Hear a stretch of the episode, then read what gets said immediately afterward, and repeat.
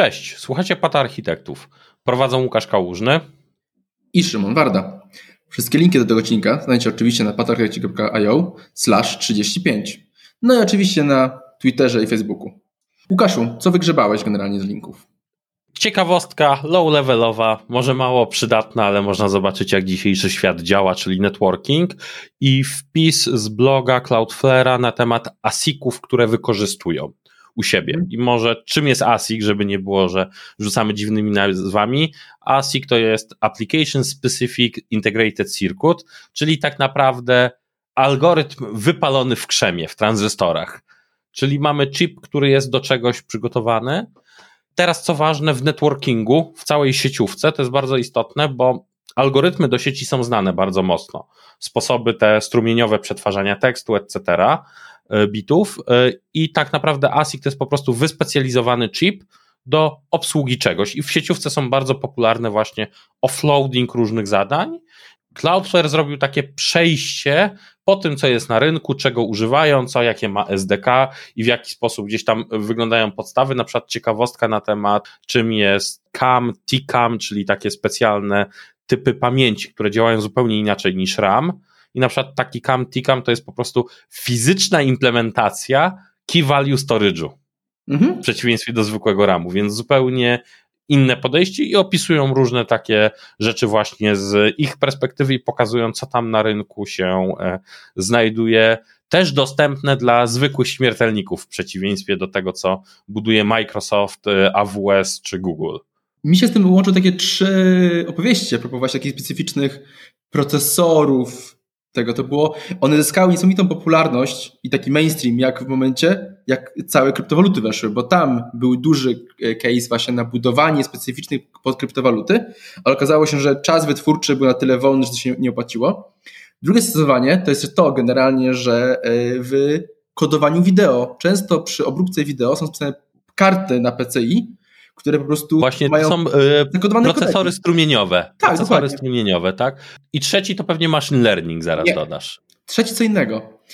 Procesory, które są budowane na kartach sieciowych. Znajomy chciał zrobić taki myk, żeby na zwykłym przesunięciu paczek, pracę magisterską, przesunięciu paczek przez sieć, w tym protokół zawrzeć ukryty protokół. I okazało się, że zrobienie tego małego procka, który kosztuje normalnie tam ułamki dolarów, żeby mógł, żeby nie obsługiwać tego standardowego algorytmu, koszt, kosztowałoby go chyba około miliona złotych.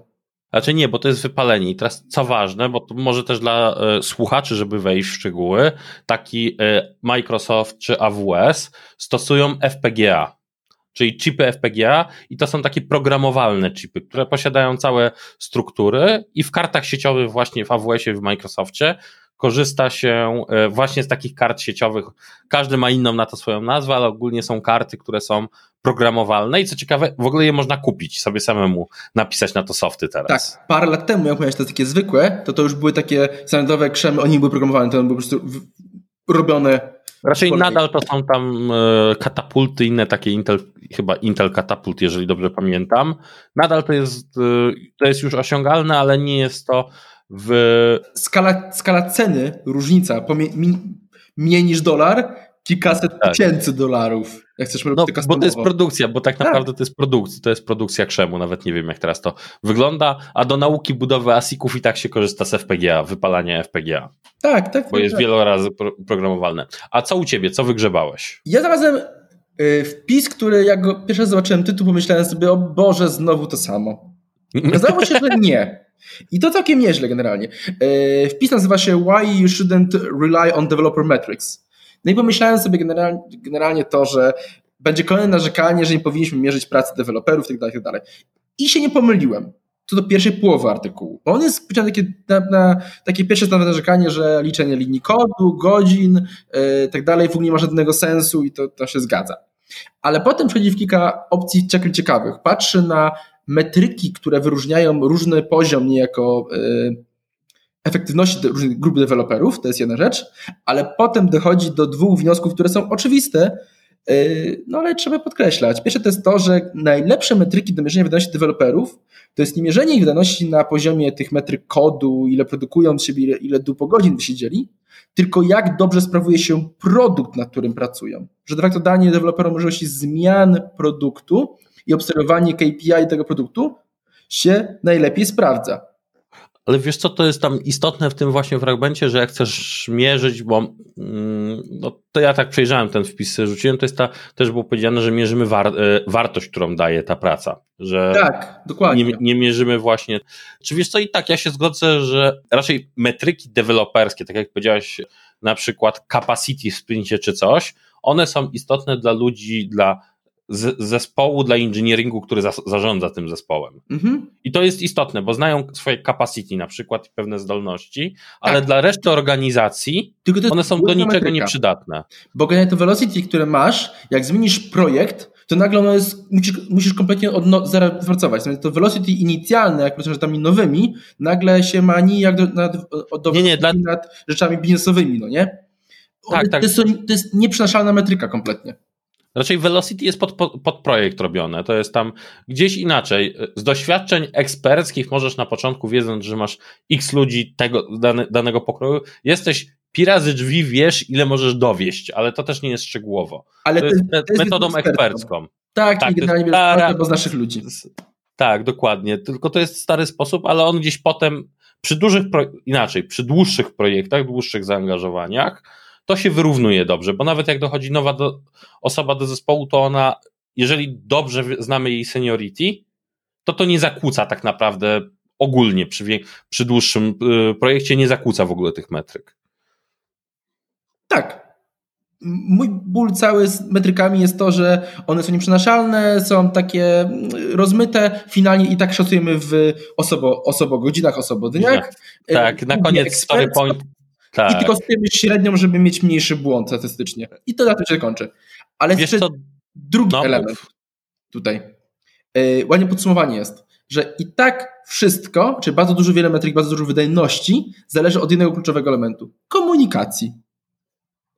I nikt tu nie odkrył generalnie e, żadnego skarbu. Po prostu tak jest generalnie, to trzeba, to trzeba podkreślać. Raczej mnie jedyne ten, jedyna metryka, która z tych y, uważam za dobrą, z tego co z zaproponowanych, z którą się nie kłócę, mhm. y, to jest change failure rate. Tak, ta tak, bo, metryki bo reszt... do poprawy, metryki do błędu, odpowiedzi, to są super metryki, tak, zgadzam tak, się. Tak, tak, bo y, na przykład nienawidzę metryki coraz bardziej, im jestem starszy, tym bardziej nienawidzę. Mówienia ogólnie o metryce, jak często robię deployment to jest rzecz, której nienawidzę osobiście. A czyli ja mam. Może wróćmy jeszcze, bo wyjaśnijmy generalnie, bo no. po metrykach. Powiedzmy, tam, tam są kilka metryk. Pierwsza metryka to jest, to jest metryka do od wystąpienia błędu do naprawy, czas. Mhm. Kolejna jest od y, zgłoszenia błędu do odpowiedzi. To są takie, takie ważne metryki, mhm. wa, bardzo ważne metryki, które mówią o jakości produktu, ale też o zrozumieniu i samoorganizacji zespołu. Super ważne metryki, bardzo, bardzo fajne. Akurat deployment frequency mi po prostu nie leży, bo są miejsca, w których nie możesz tego zmierzyć w ogóle. O tak. Znaczy i tak i nie. To deployment frequency jest dobrym KPI-em, żeby zespół nauczył się go gonić, ale pewnie, że się powinien go porzucić.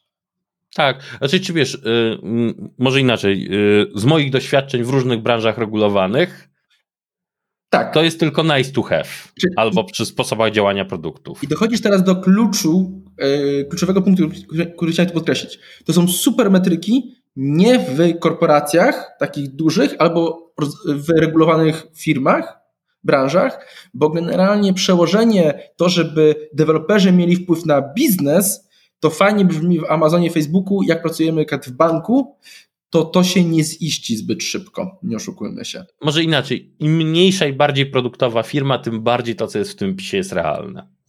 Dobrze. Yy, się tylko rozgadaliśmy, ale to chyba nawet dobrze, bo ten odcinek taki trochę będzie.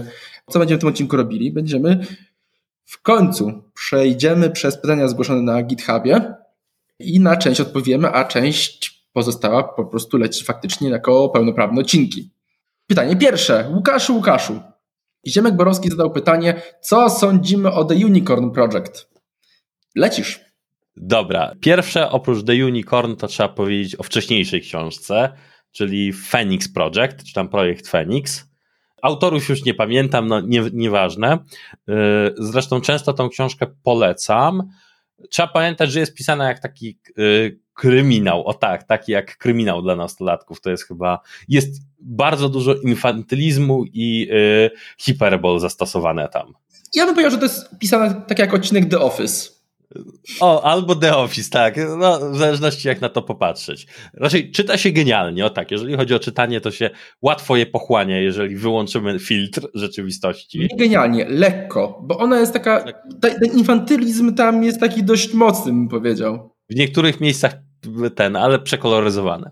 Ale o, co sądzę o niej? Y, z dużą ilością rzeczy y, uważam, że promuje patologię w niektórych miejscach sposoby pokazania Czekaj. w tej. Którą patologię? Tą dobrą naszą, czy tą złą nie naszą? Tą złą, tą złą. Tą pokazuje to, raczej wróć, y, pokazuje pewną utopię, która nie jest realna do uzyskania. O tak, w większości przypadków. Tak.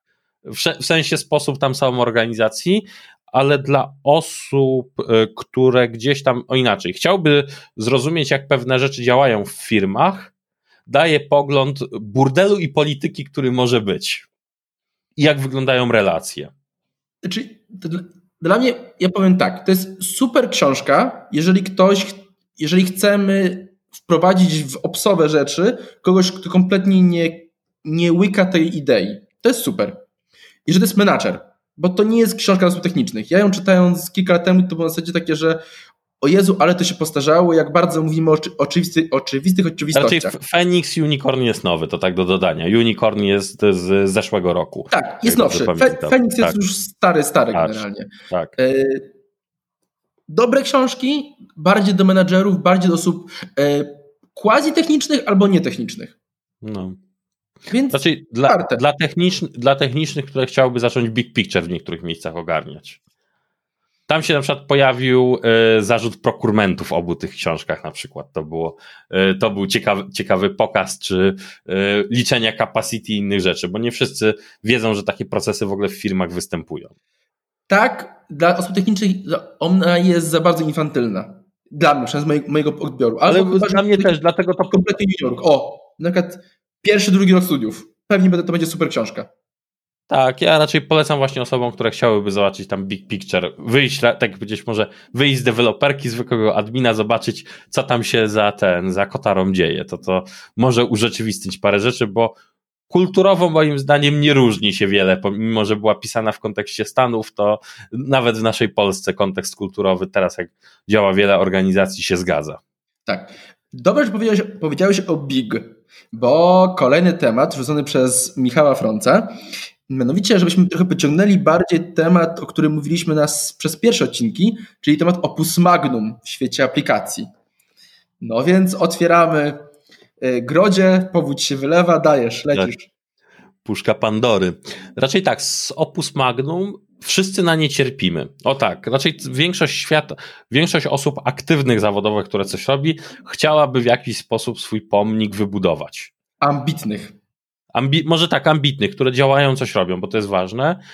I w przeciwieństwie do wielu, IT daje tą możliwość wyżycia się i wrzucenia ludzi na minę naszego opus magnum. Ale jaka to będzie mina? To będzie taka piękna mina. Min.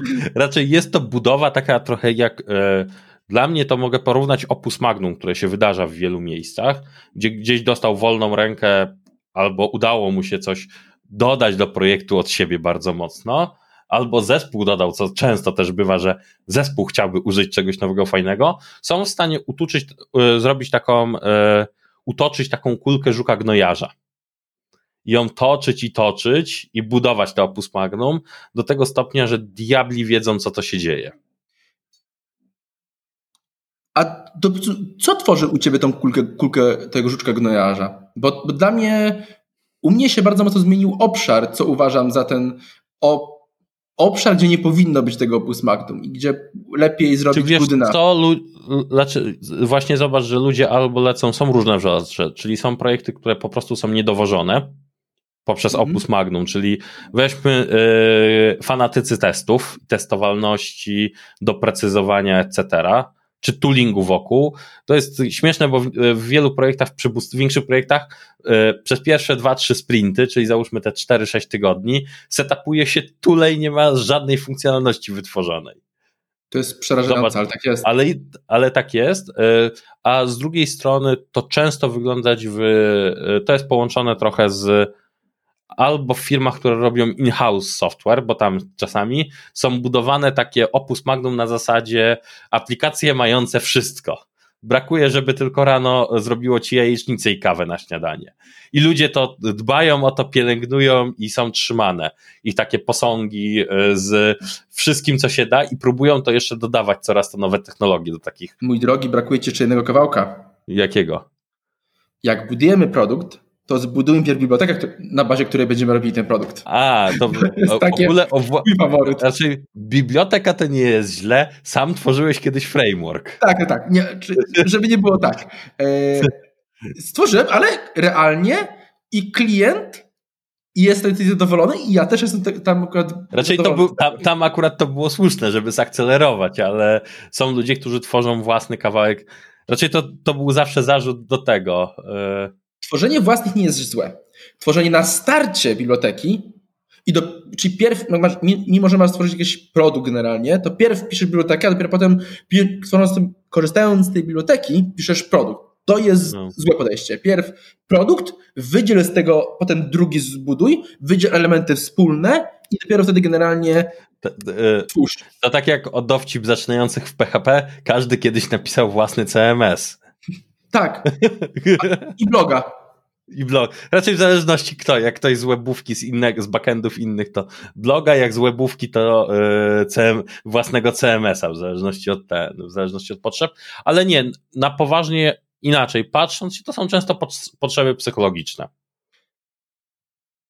I jeszcze dodatkowo jest jeszcze psychologia tak, wyrastamy też z tego podejścia, że kiedyś systemy żyły po 15 lat i mieliśmy czas na budowanie tych opus magnum. Teraz średni czas życia systemu to chyba, jak patrząc na statystyki, to jest 5 lat. Zanim my tego frameworka zbudujemy, to się okaże generalnie, że ten, ten system idzie po prostu do piachu.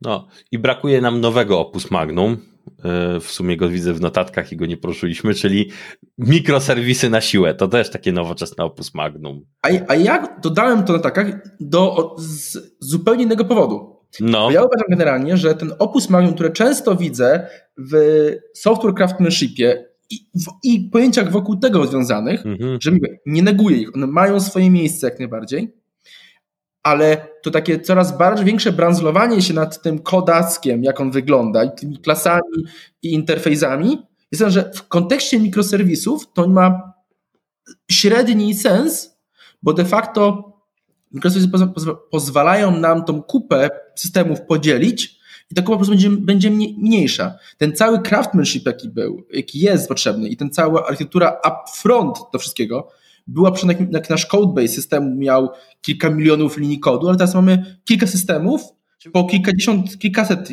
tysięcy linii kodu. Wiesz co, nie? ale nie, nie zgodzę się, bo ludzie przenoszą te podejście do tego. Nie robią z tego commodity. Nie myślą o tym, jak to rzecz, która ma być łatwa do usunięcia, tylko budują y, rozproszone monolity, jak zaczniesz analizę. Zgadza się, ale w tym momencie przerobienie tego, mnie to chodzi, przerobienie tego systemu, który ma 2000 linii kodu jest dużo łatwiejsze niż przerobienie systemu generalnie, który ma 2 miliony linii kodu, no nie? Ja uważam, że powinno być jest lepszym słowem. E, tak, ale skala i tego nie rozumiem, czemu tak bardzo teraz windujemy software craftsmanship, mimo że zapotrzebowanie na niego według mnie maleje. Że, żeby nie musi być aż tak wysokie, jak było lat temu 20 na przykład. I to właśnie są mikroserwisy, to właśnie jest komunikacja asynchroniczna, nam to daje y, rozbicie tego na osobne, osobne procesy. Więc to opus magnum nie powinniśmy tak budować bardzo. Ale... Commodity. Bycie, raczej inaczej, najwspanialszą rzeczą to jest bycie zastępowalnym i możliwość pójścia na urlop bez telefonu służbowego. Tak. Y, pytanie, czemu, czemu masz telefon służbowy, ale już to nie wnika, Łukaszu. No, dobra. Dobrze. Pytanie kolejne. Od Grzegorza Jonica. Azure Fab, Service Fabric w 2020, już teraz 21 można powiedzieć. Mm, no, jak? Nie, Czekaj, czekaj, to taka odpowiedź, bo trochę ten. Powinienem powiedzieć nie, a teraz rozwinę. E, nadal nie. Raczej serwis Fabric jest inżyniersko jest wspaniałą rzeczą. Wspaniałe, potrafi zrobić wspaniałe rzeczy, ale jeżeli nie piszesz e, kolejnego serwisu, który ma być usługą w Azure na zasadzie grupą produktową Microsoftu, to w 99 przypadkach Fabric w ogóle nie ma sensu do, do, e, dotykania go przez osoby spoza Microsoftu. Dobrze, że dałeś, że osoby spoza Microsoftu, bo Nie, nie, bo w Microsoftu, bo Fabrik z mojej perspektywy, jego teraz rozwój, on spowolnił, ma roadmapę chyba na e, 5 lat do przodu, że tak powiem, tak wydań. Już wydania są znane na 5 lat do przodu, oczywiście bez feature'ów, ale kiedy mają być następne releasy, mm, tylko że on adresuje wewnętrzne potrzeby Microsoftu. Mhm. E, dla mnie największym przeciwwskazaniem do używania go jest to, że community wbudowało się wokół czego innego i ewidentnie Azure i w ogóle wszystkie chmury praktycznie pchają się mocno w Kubernetesa i w to, żeby właśnie aplikacje klienckie chodziły na Kubernetesie, a nie w fabryku. Dlatego to, co powiedziałeś, jest bardzo ważne, że jeżeli nie pracujesz w Microsoftie i nie robisz wewnętrznego produktu. Raczej tak, fabryk może inaczej, gdzieś może mieć sens przy IoT, przy innych rzeczach, bo tam ma potencjał cholerny, tylko trzeba zapamiętać, że to jest, no niestety, to jest tylko C Sharp, jest jeden język i ma swoje modele tak naprawdę. Raczej on robi dobrą architekturę pod spodem, w środku możesz napisać kod naprawdę poprawnie, bez, tych, bez myślenia o wielu rzeczach, ale trzeba niestety podejść do tego tak, że adaptujemy te wzorce, które fabryk daje z pudełka. Te wzorce po prostu bierze, bierzemy go po prostu. To są genialne, bo te funkcjonalności, funkcjonalności, które Fabrik daje, są naprawdę robią wrażenie. Wow. E, I są lata przed tym, co, da, co daje taki Kubernetes. Na poziomie aplikacyjnym od razu mówię. Tak, tak. Ale... To jest do aplikacji. To jest tak. Przywiązujemy ją do tego, więc to jest właśnie takie moje ale. Zbyt duże ryzyko, na mój gust. Dobrze. Inaczej. Inaczej, gdybym miał powiedzieć o fabryku, jest jedynym wyjątkiem jego użycia dla mnie w tej chwili to nie są mikroserwisy czy inne rzeczy, tylko kiedy piszemy swój własny trusted code dla IoT i chcemy robić to w C-Sharpie, to tam bym się gdzieś zastanowił, że ma to sens przy, przy dużej skali. Dla popierdółek w ogóle nie ma sensu. A ja bym nawet wtedy powiedział, że nie, bo w tym momencie jak ten brak, brak wsparcia community dla mnie jest zbyt dużym ryzykiem. Okay. Dobrze, pytanie kolejne. Yy, Robert Witkowski. Transakcyjność w systemach rozproszonych. Łukaszu, jakie jest Twoje zdanie? Mm, kurwa, znowu nie. A ja, a, ja, znowu, a ja powiem tak, jak mówi to moja córka. Nie ma, nie ma. tak, nie, z transakcyjnością to zobaczmy. Moim zdaniem poszło coś nie tak w modelowaniu. Znaczy w, w ogóle w podejściu do tego poszło coś, yy, poszło coś nie tak w podejściu do projektu. W wielu przypadkach, jeżeli scope wychodzi za daleko i jest w systemie rozproszonym. Taki scope transakcji. Ja się nie zgodzę częściowo, yy, bo część, wydaje mi się, część potrzeb transakcji rozproszonych w systemach, systemach rozproszonych wynika z tego, że gdzieś zakładamy, że musi być ona rozproszona. Yy, na przykład typ, załóżmy, że tu wrzucamy tej bazy i do, do tej drugiej też wrzucamy, gdzie ta druga możemy zrobić ją, jest niejako nie źródłem prawdy. I ta identyfikacja, który z tymi źródłem prawdy, czy gdzie musimy zapisać, a gdzie chcielibyśmy zapisać, ale jak zapiszemy asynchronicznie, to nic się nie stanie tak naprawdę, to jeszcze jest ten drugi element, który często jest potrzebą transakcji rozproszonej, ale realnie jak spojrzymy, to okazuje się, że ale no nie potrzebujesz, kolega ci wystarczy w zupełności. Yy, no, Albo, Cieszę albo się, że powiedziałeś właśnie o kolejce tak naprawdę, bo ja tak, y, to jest trochę ten, mm, jak popatrzeć sobie można na przykład na dokumentację od N-Service Basa, przykładowo Dobra. i zobaczyć tam, tam właśnie wzorce, w niektórych, w niektórych miejscach to, co nazywamy transakcyjnością, potrzebą tej transakcyjności da się e, zrobić tak naprawdę na smart brokerach. Zrzucić to na e, tak naprawdę na smart brokery już gotowe rozwiązania ale jak sobie inaczej, tak jak sobie o tym myślę, to w większości wypadków lepiej się pogodzić z asynchronicznością i y, tym eventual consistency, tam gdzie tego faktycznie, y, faktycznie potrzebujemy i zastanowić się, jak do tego w ogóle podejść? O tak, zawsze, zawsze mam to, mam z tym problem, że ta transakcyjność rozproszona, no nie, w wielu przypadkach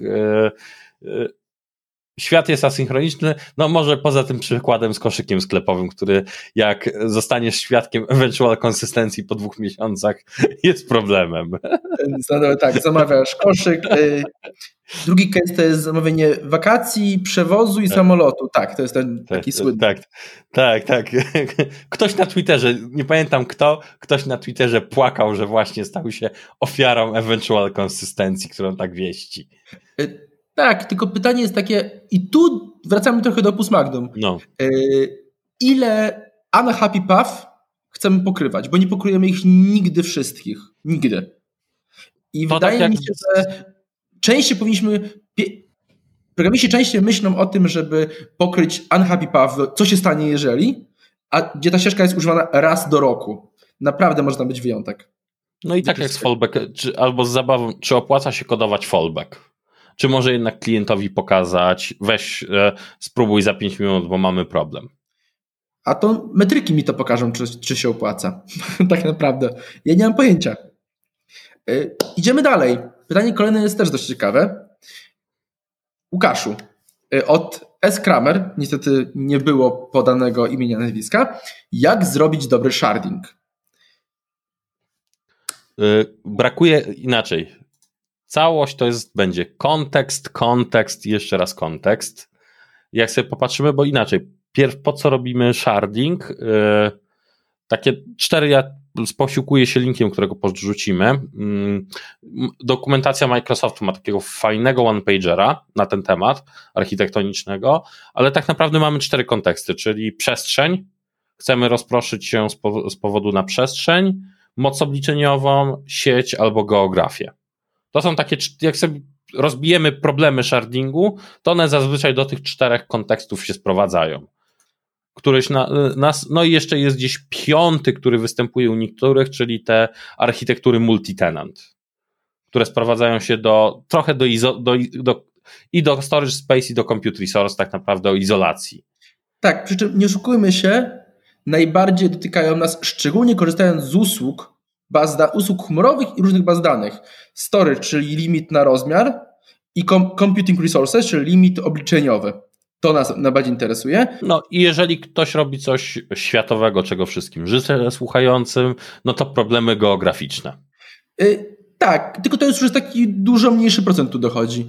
Yy, I to faktycznie nas dotyka.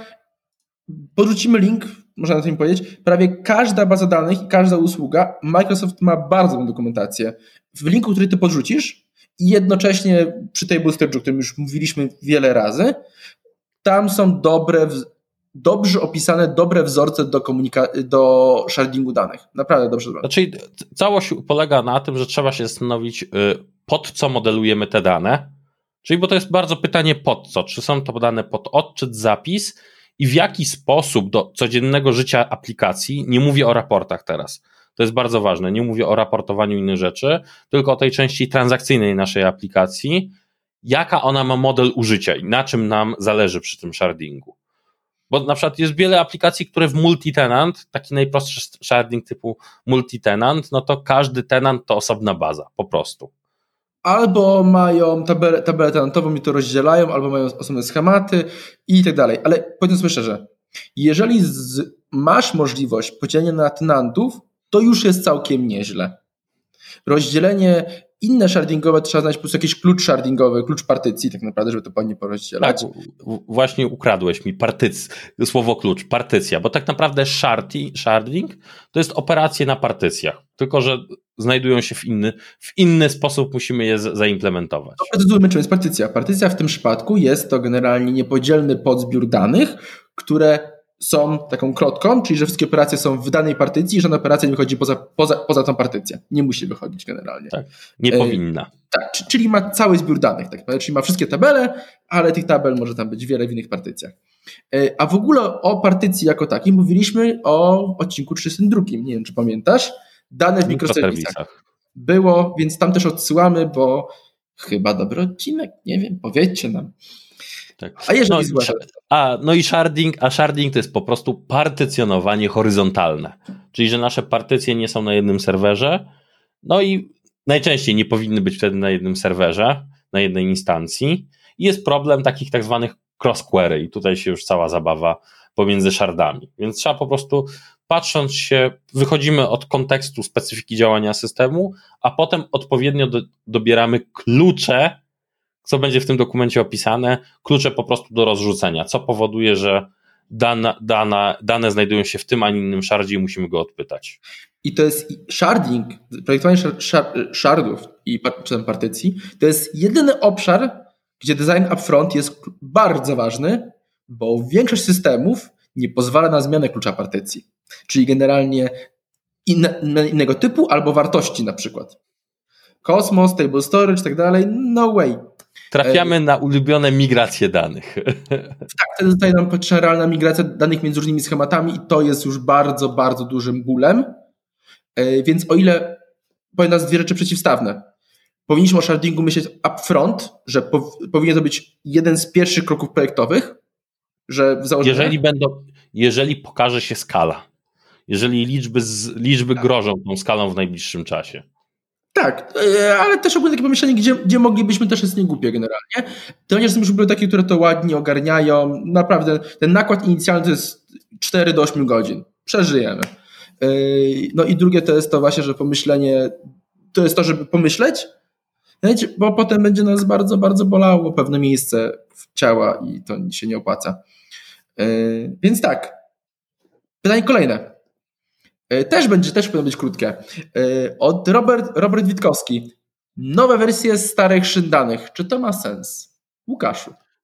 Czy w sumie trochę zajęliśmy to w ostatnim odcinku o technologii radarze, bo tam nawet też wykazali to, co mówiliśmy, czyli ESB próbują się ubierać w API Gateway próbują się ubierać. Inaczej, mi się niestety sposób i tak jak ja widzę ciągle ESB, yy, ciągle wyglądają jak wolskie gardła rozwojowe, z którymi nikt nie chce mieć styczności. Wydaje mi się, że zmieniły się trochę wymagania, podejście i te takie ciężkie systemy, które kiedyś były, które no, jak każdy system, który ma ileś tam lat, on ma, ma już tyle funkcjonalności, ciągną taki worek feature'ów za sobą, że rozwój ich będzie naturalnie wolniejszy niż taki na przykład Rabbit i, czy, do, czy Kafka, która ma dużo mniejszy zbiór feature. Raczej właśnie to, co powiedziałeś, że ludzie przechodzą albo na systemy kolejkowe po prostu, na różne typy systemów kolejkowych, eventowych, jak to nazwiemy, to już inna rzecz, bo to zaraz może być kłótnia o to, czy Kafka jest y, ten, y, czy jest kolejką, czy nie. Tak jest, jest.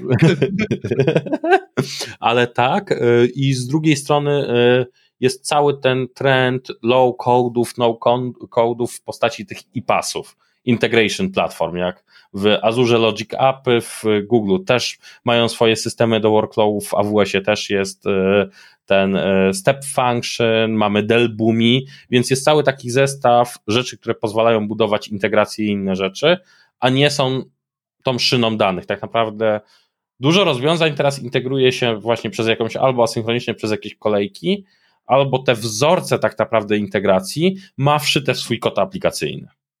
Tak, może też mówiąc, te stare szyny danych, one często miały duże możliwości zapewniania logiki w tej szynie danych. A obecnie doszliśmy do tego, że ta logika w tej szynie nie powinna być. Więc jak te funkcjonalności tej logiki z szyny wyjmiemy i będziemy tego używać z ESB i będziemy tego używać jak zwykłej szyny, to nagle używamy 10 do 20% funkcjonalności, a kod chodzi wolno, bo te, ten kod tam dalej istnieje w tej szynie. Więc dla mnie nie ma sensu po prostu. No, tym, tym razem ja, ja, nic ja, do dodania, czyli inaczej, czyli unikamy, inaczej, te nowe wersje tych szyn danych, które sprzedają się w postaci API Gateway, ja od nich, y, ja im mówię serdeczne nie. Nie ma sensu. Zdecydowanie nie ma sensu. Zgadzam się. E, znaczy, jest jeden case. Chyba, że mamy jakiś protokół, którego, antyczny protokół, którego wybitnie potrzebujemy. To jest ten mm. case, gdzie to można by użyć. Reszta nie. Dobrze. Kolejne pytanie. I ostatni, Łukaszu. Masz, szans wygra- masz szansę wygrać toster. E, od Łuka- e, Łukasz Kurzyniec. Data warehousing, data lakes. No i gadaj teraz. Jest, teraz gadaj, gadaj, gadaj. Co powiem mądrego? Tak, Enterprise Data Lake to świetna sprawa, a tak na poważnie zaprosimy osobę, z którą y, porozmawiamy na ten temat, która od nas y, ma, zjadła na tym zęby, na robieniu, projektowaniu, nauczaniu z tego i spróbujemy ją troszkę wymęczyć z naszej perspektywy ludzi od aplikacji. No i tostera nie będzie, a tak blisko było. No nie be było blisko, sceduję ten toster gdzie indziej. Przekażemy komu innemu ten toster. Na poważnie to jest w ogóle szeroki temat architektoniczny, bo dane to jest inaczej. Jeżeli popatrzymy na dane, my często też mówimy w tej kontekście, że trzeba to wyrzucać potrzeby raportowania, analityki poza nasze aplikacje i tu się oboje zgadzamy z tym. Tak. No ale jest, szczegóły są. Yy, dość potem, jak popatrzymy w implementacji, jest dużo teraz wzorców i możliwości na rynku. Jest wiel i bardzo dużo dróg jest bardzo poprawnych. Tak, tym bardziej, że to trzeba powiedzieć, czy mówimy o takich, takim warehousingu, data lake'ach takich raportowych bardziej, czy mówimy o takim bardziej real-time'owym, bo to też się pozmieniało bardzo mocno. Ale ogólnie to nie jest temat, na którym możemy się trochę powymądrzeć, ale to na poziomie generalnie, jak to przewalić do hurtowni, no, do data lake'a, warehouse'a, Y, niż generalnie jakie są te systemy, jak to używać, co, gdzie, jak, jakie są trendy, trendy w tym obszarze biznesowym. Także zaprosimy jakiegoś fajnego gościa. Nawet A ja przegrałem toster. Bywa, no słuchaj, taki rok. Y, dobrze, no to chyba kończymy. Pytań zostało tyle. Pozostałe tematy będą pełnoprawnymi odcinkami i yy, chyba obiecanka na przyszły rok. Obiecamy się poprawić i częściej się odzywać. Tak, trzymajcie się, na razie. Na razie, hej.